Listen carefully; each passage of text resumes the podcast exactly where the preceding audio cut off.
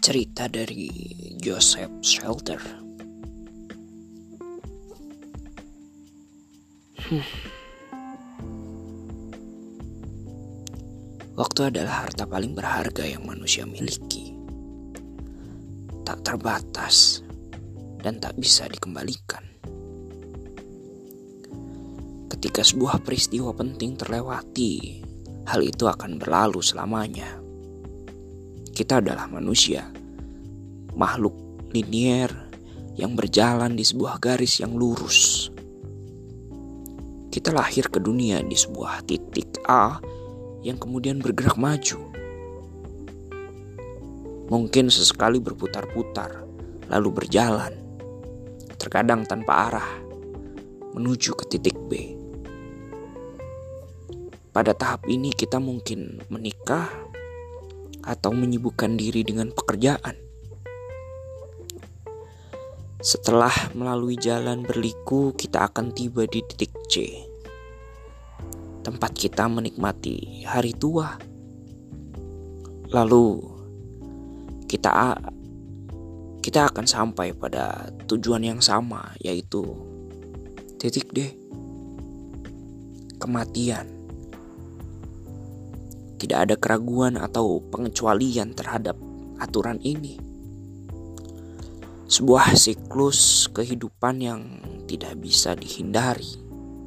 Kita tidak dapat menuntut Tuhan untuk mengembalikan masa muda yang kita sia-siakan. Tidak bisa. Alam semesta punya hukum tangan besi tentang waktu yakni membuang waktu dan kehilangannya.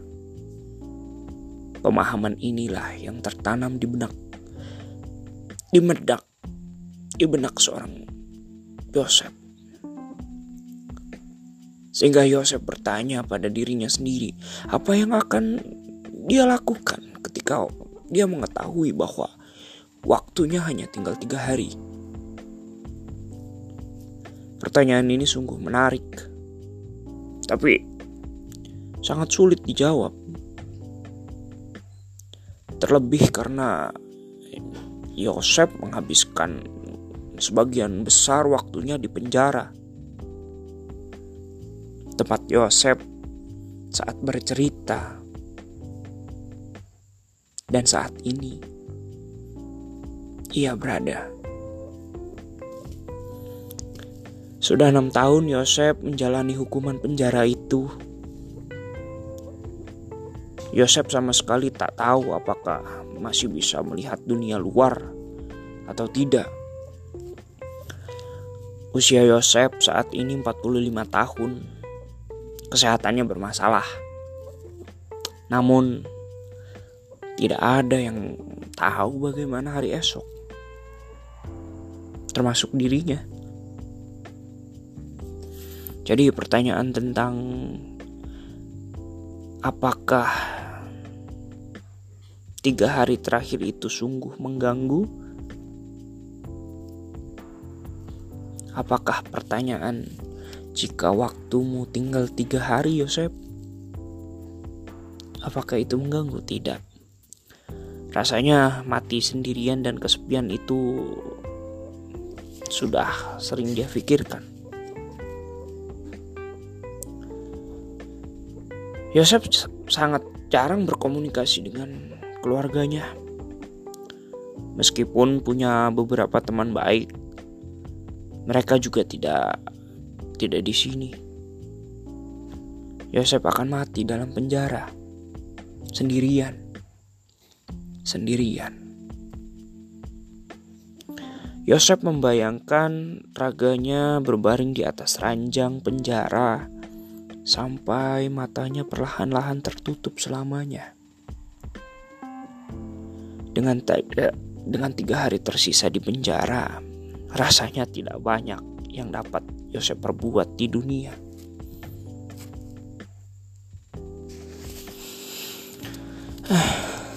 Yosef memang telah menyelesaikan lima buah naskah buku novel, tapi semuanya hanya menumpuk di sudut penjara. Bayangkan naskah novel tak akan pernah diterbitkan dan dibaca oleh orang yang membuatnya terinspirasi akan novel itu. Itu membuat Yosef ingin menangis. Kenyataannya hal itu sungguh meremukan hati Yosef saat menulis cerita ini. Ya, kelihatannya sangat egois. Yosef hanya memikirkan nasibnya sendiri, tapi itulah cara berpikir Yosef sehingga dia bisa nyaman dengan pikiran itu. Kebanyakan waktu hidup Yosef dihabiskan dalam pengaruh alkohol dan obat-obatan terlarang. Sehingga Yosef semakin tenggelam dalam keegoisan. Yosef tidak peduli dengan perasaan atau keberadaan orang lain di sekitarnya. Sungguh, Yosef sangat menyesal akan hal itu. Padahal, Yosef bukanlah orang yang tidak punya hati. Jujur, selama ini Yosef selalu menutup hati untuk mengatasi ketergantungan alkohol dan kekosongannya karena terlalu sering duduk di dalam penjara sendirian. Sebenarnya Yosef tidak selalu egois. Dulu sesekali Yosef pernah jatuh cinta. Sampai kini Yosef masih tetap bisa mengingatnya dengan baik. Lucu rasanya, setelah lebih dari 20 tahun, Yosef masih mampu mengingat wajahnya dengan jelas. Terus terang, Yosef merindukan dirinya seorang wanita.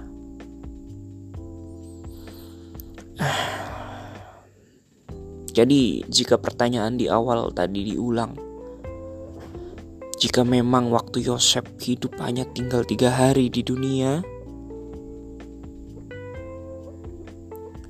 Yosef akan memilih untuk mengenang raut muka wanita itu. Saat bersamanya adalah saat terakhir. Yosef merasa bahagia. Ah, kenangan yang menyenangkan adalah bentuk memanjakan diri sendiri. Dengan sisa waktu yang semakin sedikit dan terus berjalan, Yosef merasa inilah saat untuk berdamai dengan dirinya sendiri. Sepanjang hidup, Yosef selalu menyalahkan diri karena telah menyanyiakan pemberian dan berkat yang telah diberikan kepadanya. Yosef tidak bodoh. Yosef sadar dapat membantu sesama. Yosef mampu membuat perbedaan. Yosef mampu menunjukkan kepada orang lain untuk menghindari jalan sunyi yang telah Yosef ambil. Yosef dapat memperlihatkan orang lain betapa pentingnya tersenyum kepada diri sendiri saat bercermin atau bersyukur setiap saat kepada Tuhan atas segala pemberiannya, baik atau buruk. Tapi lagi-lagi Yosef tidak melakukannya. Yosef justru menenggelamkannya menenggelamkan dirinya ke dalam dasar kebodohan kembali. Ke dalam dasar botol vodka dan tidak berbuat sesuatu selain mengasihani dirinya sendiri. Sungguh sebuah kesia-siaan yang memalukan. Jadi saat ini di sini berbaring di atas ranjang penjara, merenungi jika tiga hari terakhir ini adalah waktu terakhir Yosef. Yosef berpikir hanya akan menyesali segalanya. Salah satu penyesalan terbaik Yosef adalah tidak memiliki seorang anak.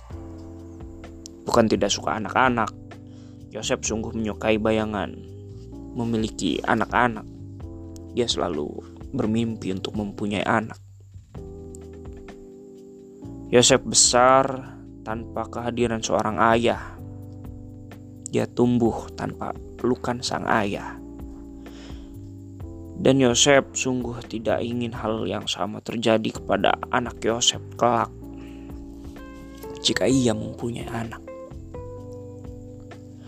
Ketergantungannya terhadap alkohol membuat Yosef pasti akan berbeda di sini. Di penjara. Bukan di sisinya. Itulah yang terjadi pada dirinya. Padahal Yosef sebenarnya sangat berharap suatu ketika dalam hidupnya akan mendapat sebuah pelukan selamat malam yang sangat hangat. Yang diucapkan oleh seorang anak kecil dan mengatakan, "Aku sayang ayah."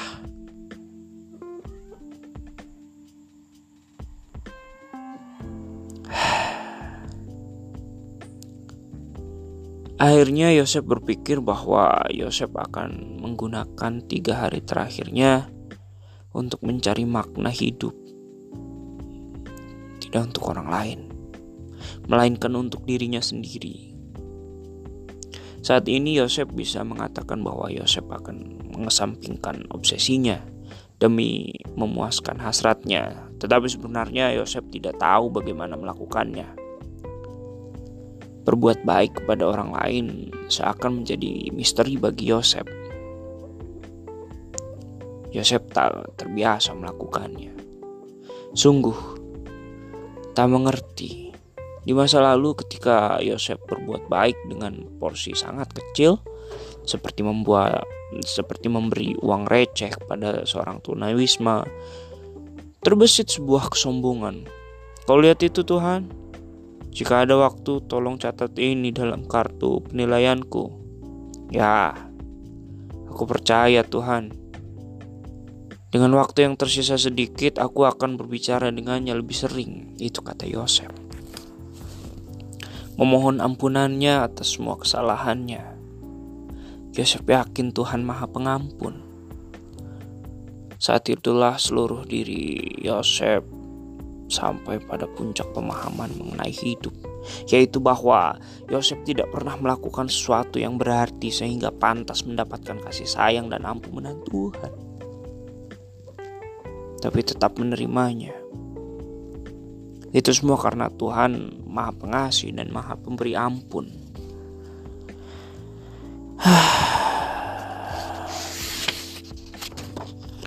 Jadi saat ini saat berbaring di atas ranjang penjara, sangat sulit menemukan suatu perbuatan yang bisa Yosef lakukan untuk membuat perbedaan. Setelah melalui seluruh kegiatan, Yosef sangat terbuka untuk menerima petunjuk. Petunjuk dari Tuhan. Oleh karenanya, kini Yosef sudah siap meninggalkan dunia ini dengan keyakinan bahwa Yosef akan pergi di saat yang lebih baik dibandingkan apa yang telah dilaluinya. Ini adalah pemikiran yang menyenangkan. Ini adalah sebuah pertanyaan menarik.